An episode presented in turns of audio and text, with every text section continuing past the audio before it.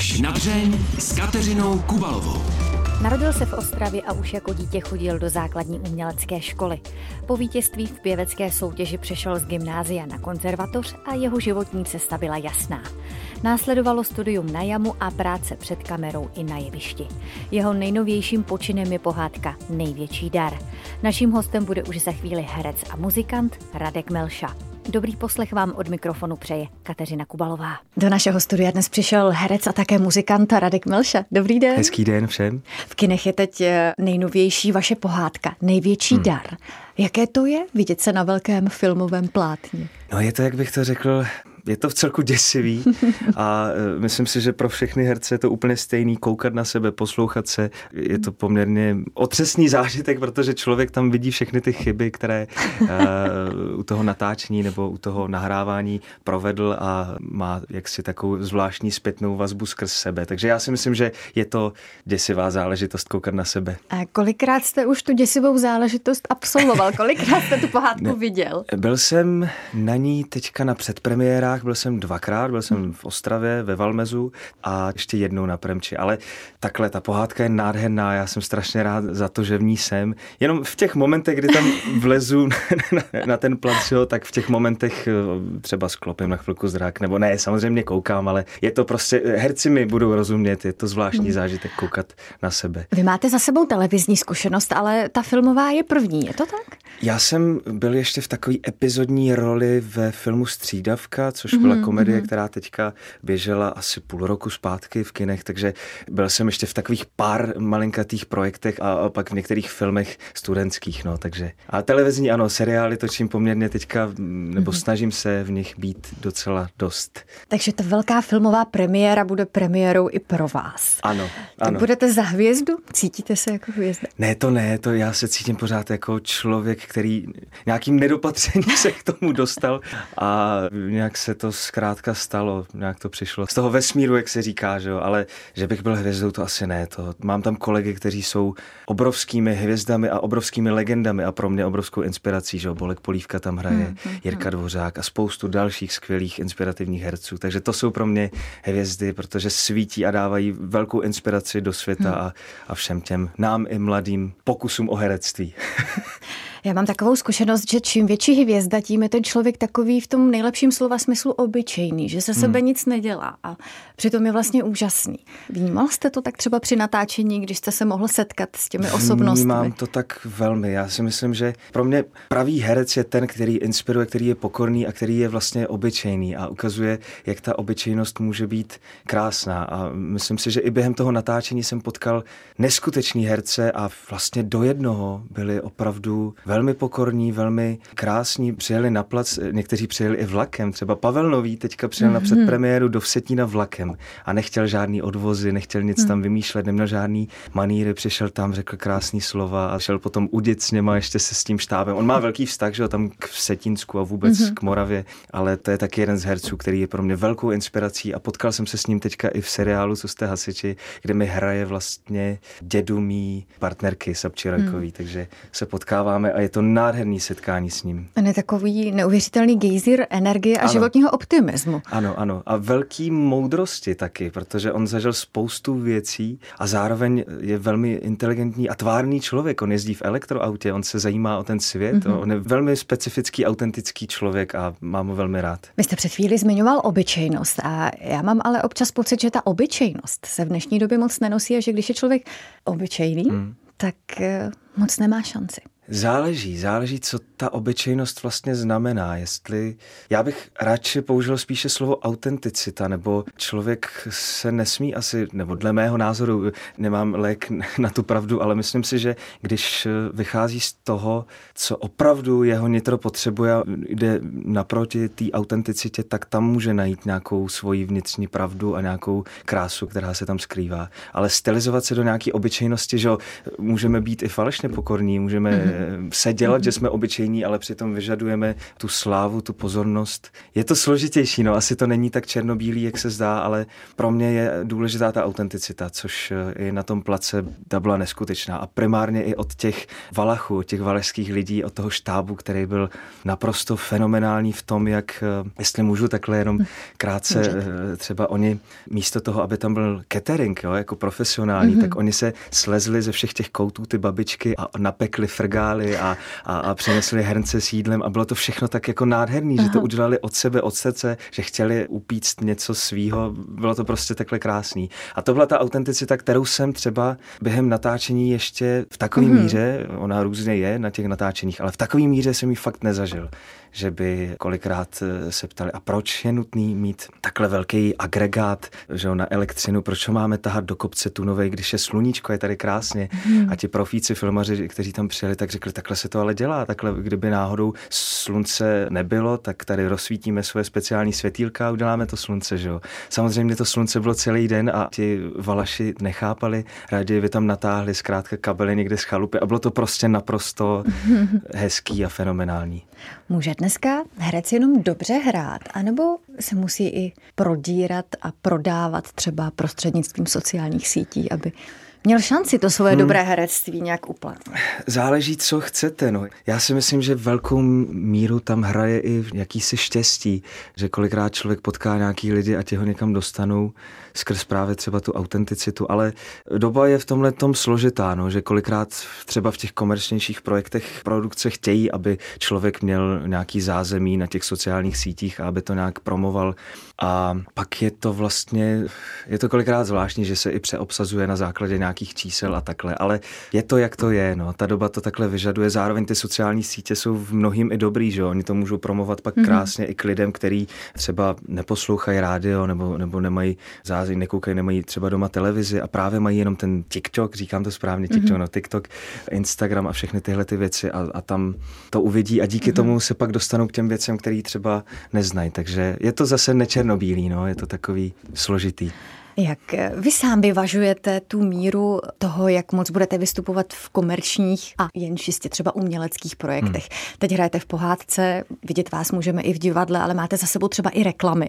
Já jsem zatím ve fázi svýho života, kdy tak nějak, eh, jak to říct, abych byl úplně nejupřímnější, hmm. tak vlastně za stolik neodmítám ještě, protože mám pocit, že je to práce, která přichází a pak, že to není opravdu něco, co je nějakým způsobem politický, v nějakým směru, který se mi nelíbí, anebo je to velmi komerční pro nějakou firmu, která, mm-hmm. mluvím teď o reklamách, která se mi nezdá, tak samozřejmě to nevezmu, ale pak, když je to seriál, který třeba není kvalitativně až tak jako dobrý, tak já tam velmi rád i vlastně půjdu, protože je to práce, poznám tam lidi, kteří mm-hmm. jsou velmi šikovní a, a někdy se zkrátka některé věci se dělají opravdu tak, jak se dělají. No. Takže abych to shrnul, tak vlastně jsem i v těch komerčních projektech i se snažím dělat divadlo na nějaký umělečtější výši. Teďka zkoušíme v divadle Masopust mm-hmm představení autorský o čtyřech hercích eh, s Borisem Jedinákem a Petrem Jeřábkem o úzkostech. A to je velmi, mm-hmm.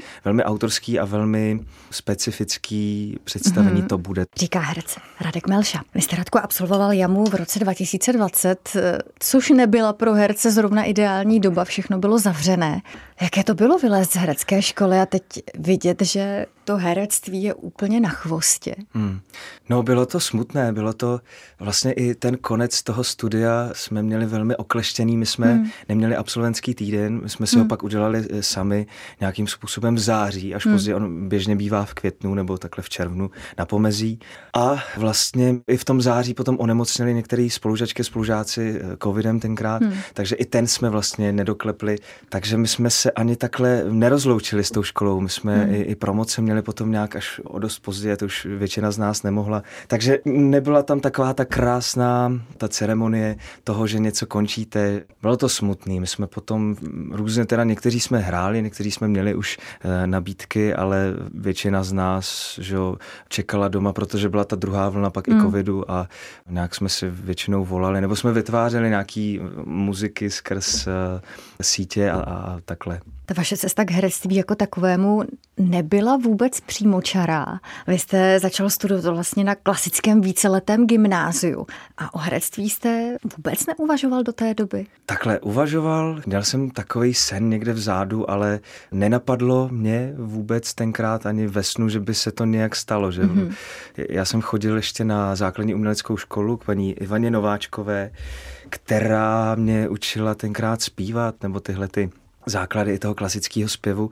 A skrz soutěž, v Turnově to tuším tenkrát bylo, tak skrz tu soutěž jsem dostal nabídku na přestup na konzervatoř, ale pořád mm-hmm. ještě na zpěv, na, na muzikálový zpěv k Hance mm-hmm. Fialové a já jsem tenkrát nějak cítil, nějak mi to prostě vevnitř ten svět říkal, ať tam jdu, tak jsem opustil všechny ty mý kamarády na Gimplu a měli jsme krásnou partu tenkrát, takže mi to bylo velmi líto a odešel jsem vlastně o rok níž na konzervatoř, kde jsem začal nějak zpívat a nějak, se, nějak jsem se dostal do toho víru ostravského divadelnictví. A protože ta Hanka Fialová mě tam tenkrát, eh, pamatuju si to jako dnes mi, nějak jsem spal doma a takhle mi zavolala a říká, hele Radku, mám pro tebe takovou malinkatou, takový křovíčko v divadle, ale pokud můžeš být za půl hodinky v divadle, tak přijď a dostaneš to. Já jsem byl asi tři čtvrtě hoďky, že jo, ještě tam tenkrát daleko na takový periferii od centra, tak jsem nějak jako rychle běžel, táta mě vezl na tramvaj, já jsem dojel, byl jsem tam později a teď tam přišel Lumír Olšovský, který tenkrát tam zkoušel Fantoma Londýna, takový představení, postavil se přede mě, takový jo, velký člověk, pro mě aura toho divadelníka, podal mi ruku a říká, budeš chodit na zkoušky? A já jsem řekl, ano, ano, s roztřepaným hlasem, že jo. A od té doby nějak jsem tam začal zkoušet v tom divadle a doteď se tam vracím do Národního divadla Moravskosleského zkoušet. Teď už teda tam zkouším většinou nějaký větší role. Producenty teď to, tam ano, to hrajete, jsme, to jsme premiérovali mm. teďka v říjnu, to je velmi krásný představení Mela Brookse, super taky zvuk. A tam už kdybyste... ale tedy nemáte žádné malé křovíčko, tam, ne, tam máte jednu z hlavních rolí. To, to už je vlastně i hlavní, no, mm, jeden z těch mm, producentů a teď tam zkoušíme Svínyho Todo a ještě hrajeme Harpagony Lakomec, taková autorská věc od Borise Urbánka mm. a, Jirky Krhuta, což je hudebník vlastně, který uh, dost hraje i se Štěpánem Kozubem a takhle. Je to všechno provázený. No. Co je vám tedy milejší, ten muzikál, kde hrajete i zpíváte, anebo víc stíhnete jen k hudbě nebo jen k činohře? Já vždycky říkám, že jsem eklektik já to mm. mám hrozně rád. Já prostě já, já chci dělat i tu muziku, i to hraní, i cestovat, i vařit, i poznávat. Prostě je to, já, já chci všechno. Třeba taky historický šarm. K němu ano. jste se dostali jak? To bylo skrz eh, tábor, jestli si pamatuju správně, dětský tábor, mm-hmm. kde jsme jezdili, eh, retíři kulatého stolu Aha. se to jmenovalo a tam jsme tak nějak jako okrajově trošičku se zabývali i, i tím šermem a, a tohleto, ale z bráchu mám bráchu staršího historika, teďka současného a nějak nás to zajímalo a jeden z těch vedoucích byl součástí skupiny historického šermu, takže nás vzal po tom, co jsme spolu trávili čas, nějak jsme jezdili po hradech, zámcích a pak jsme se odloučili a vytvořili jsme si svoji vlastní skupinu s bráchou a to jsme různě jezdili po hradech na všelijaký workshopy. Mm-hmm. Snažili jsme se opravdu se v tom vyučit a ať jsme v tom strávili třeba pět, šest let, tak jsme pořád byli na začátku, protože když to opravdu člověk chce dělat naplno, tady tenhle ten historický šerm, tak, tak to je jak sport, musí docházet skoro třikrát, čtyřikrát, pětkrát týdně, učit se v tom, vyučovat, jsou tam různé techniky, všelijaký způsoby a hlavně musí si vybrat i kterou dobu on dělá. My jsme rekonstruovali rok 1390 až 1410, mm-hmm. což byla bylo specifický období Václava IV., mm-hmm. ale máme spoustu zbrojí, zbraní doma a mhm, přesně mm-hmm. jsme se snažili, aby to mělo tu dataci, nebo aby to bylo přesný mm-hmm. v nějaký tý eh, taky autenticitě nebo integritě z tý, To spolkne taky pěknou spoustu peněz, když to chcete eh, ano, mít dobré ano, a rodiče tenkrát dotovali, to mhm. jsme byli, že ještě v pubertálním věku a pak jsme postupně začali si to dotovat i my.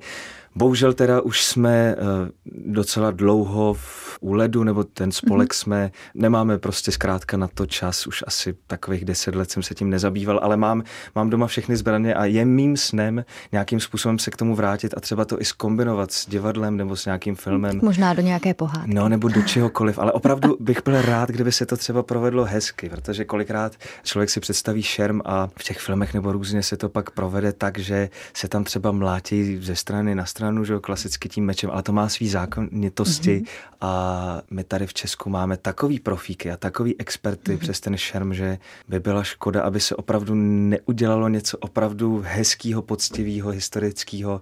No, ten čas přijde. Já si myslím, že Velmi rád bych se tím takhle zabýval. Radek Milša je, jak už jsme říkali, nejen herec, ale také zdatný muzikant. V kolika hudebních tělesech teď vlastně působíte? Já jsem se nedopočítala, je toho hodně. Momentálně jsem ve třech eh, tělesech hudebních, plus teda mám hmm. ještě různé skupinky takových no, eh, takzvaných právě. kšeftařů.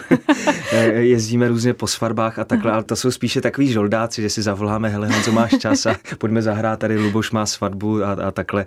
Ale hraju s, nebo zpívám teda s Big Bandem New Time Orchestra, mm-hmm. což jsou Brňáci a tam zpíváme s Hankou Holišovou. Mm-hmm. To je nádherný těleso, prostě Big Band, jo, jazz, swing, tohle to všechno, že to za váma zahraje. Zpívat s Hankou Holišovou, No to je super, to je On, Hanka, Hanka je super mm. taky, ale i to těleso, že za váma tolik zdatných muzikantů a teď to do vás valí ten vlak za váma, že to prostě nepustí vás to a ta energie, musíte tam všechno mm. najednou poslat to ven, ale je to super.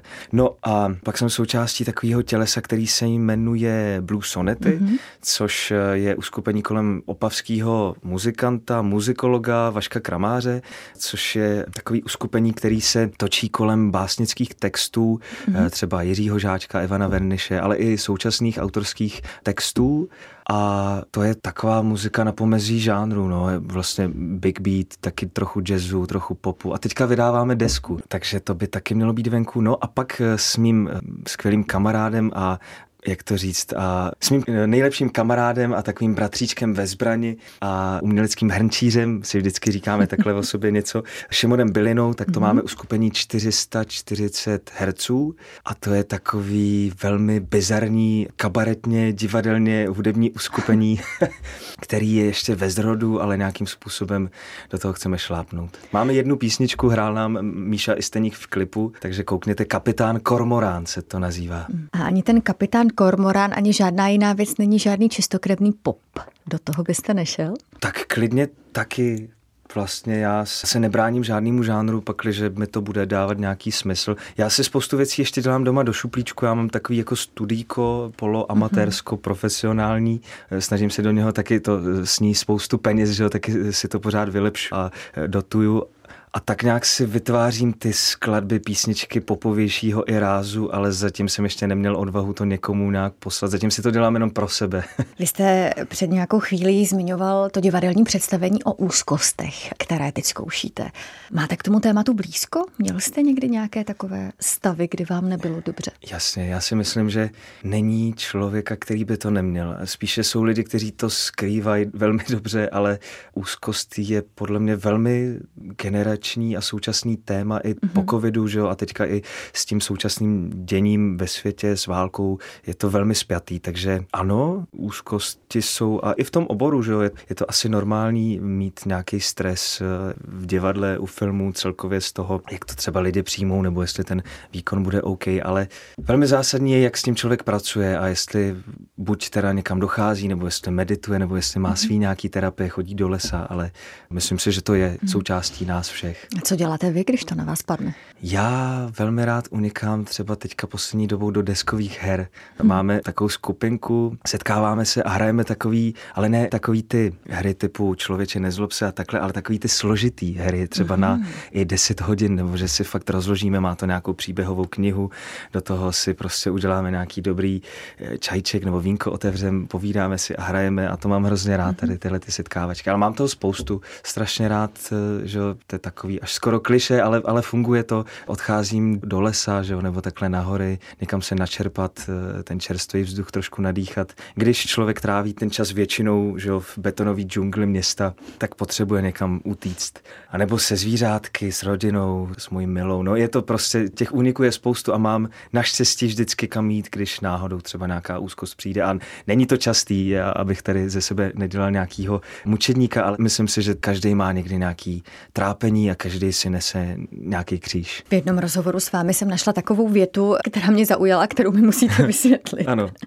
Radek Melšaprý miluje trapné situace, švestičky ze zahrádky a dramatické úvody. Dramaturgické úvody. Dramaturgické ano, ano. úvody. A já vám hrozně rád trapno. Já, já nějak se v tom vyžívám i během zkoušení, mm-hmm. protože v tom trapnu vzniká strašně zvláštní napětí. Tam lidi čekají, co se stane. Teď vám hrozně fandí, abyste z toho vybruslili. A když když eh, vy to necháte ještě chvilku bejt a překlenete to ještě někam dál, eh, to trapníčko, tak lidi vlastně eh, nějak se všichni propojí. Já to nechápu, já vlastně nevím, co že se vás tam mají děje. najednou radši. Mají asi i radši, ale zároveň je prostě docela hezký se propojit skrz chybu, to jsem chtěl říct, že když lidi vidí, že prostě všichni chybujeme, tak se prostě skrz tu chybu dokážeme nějak propojit, protože chybujeme taky všichni, že jo, v různých situacích a dokonalost je jakési pozlátko, jenom nějaká domluva lidí, že takhle by to mělo vypadat, ale v té chybě mám právě pocit, že tam se nachází ta autenticita.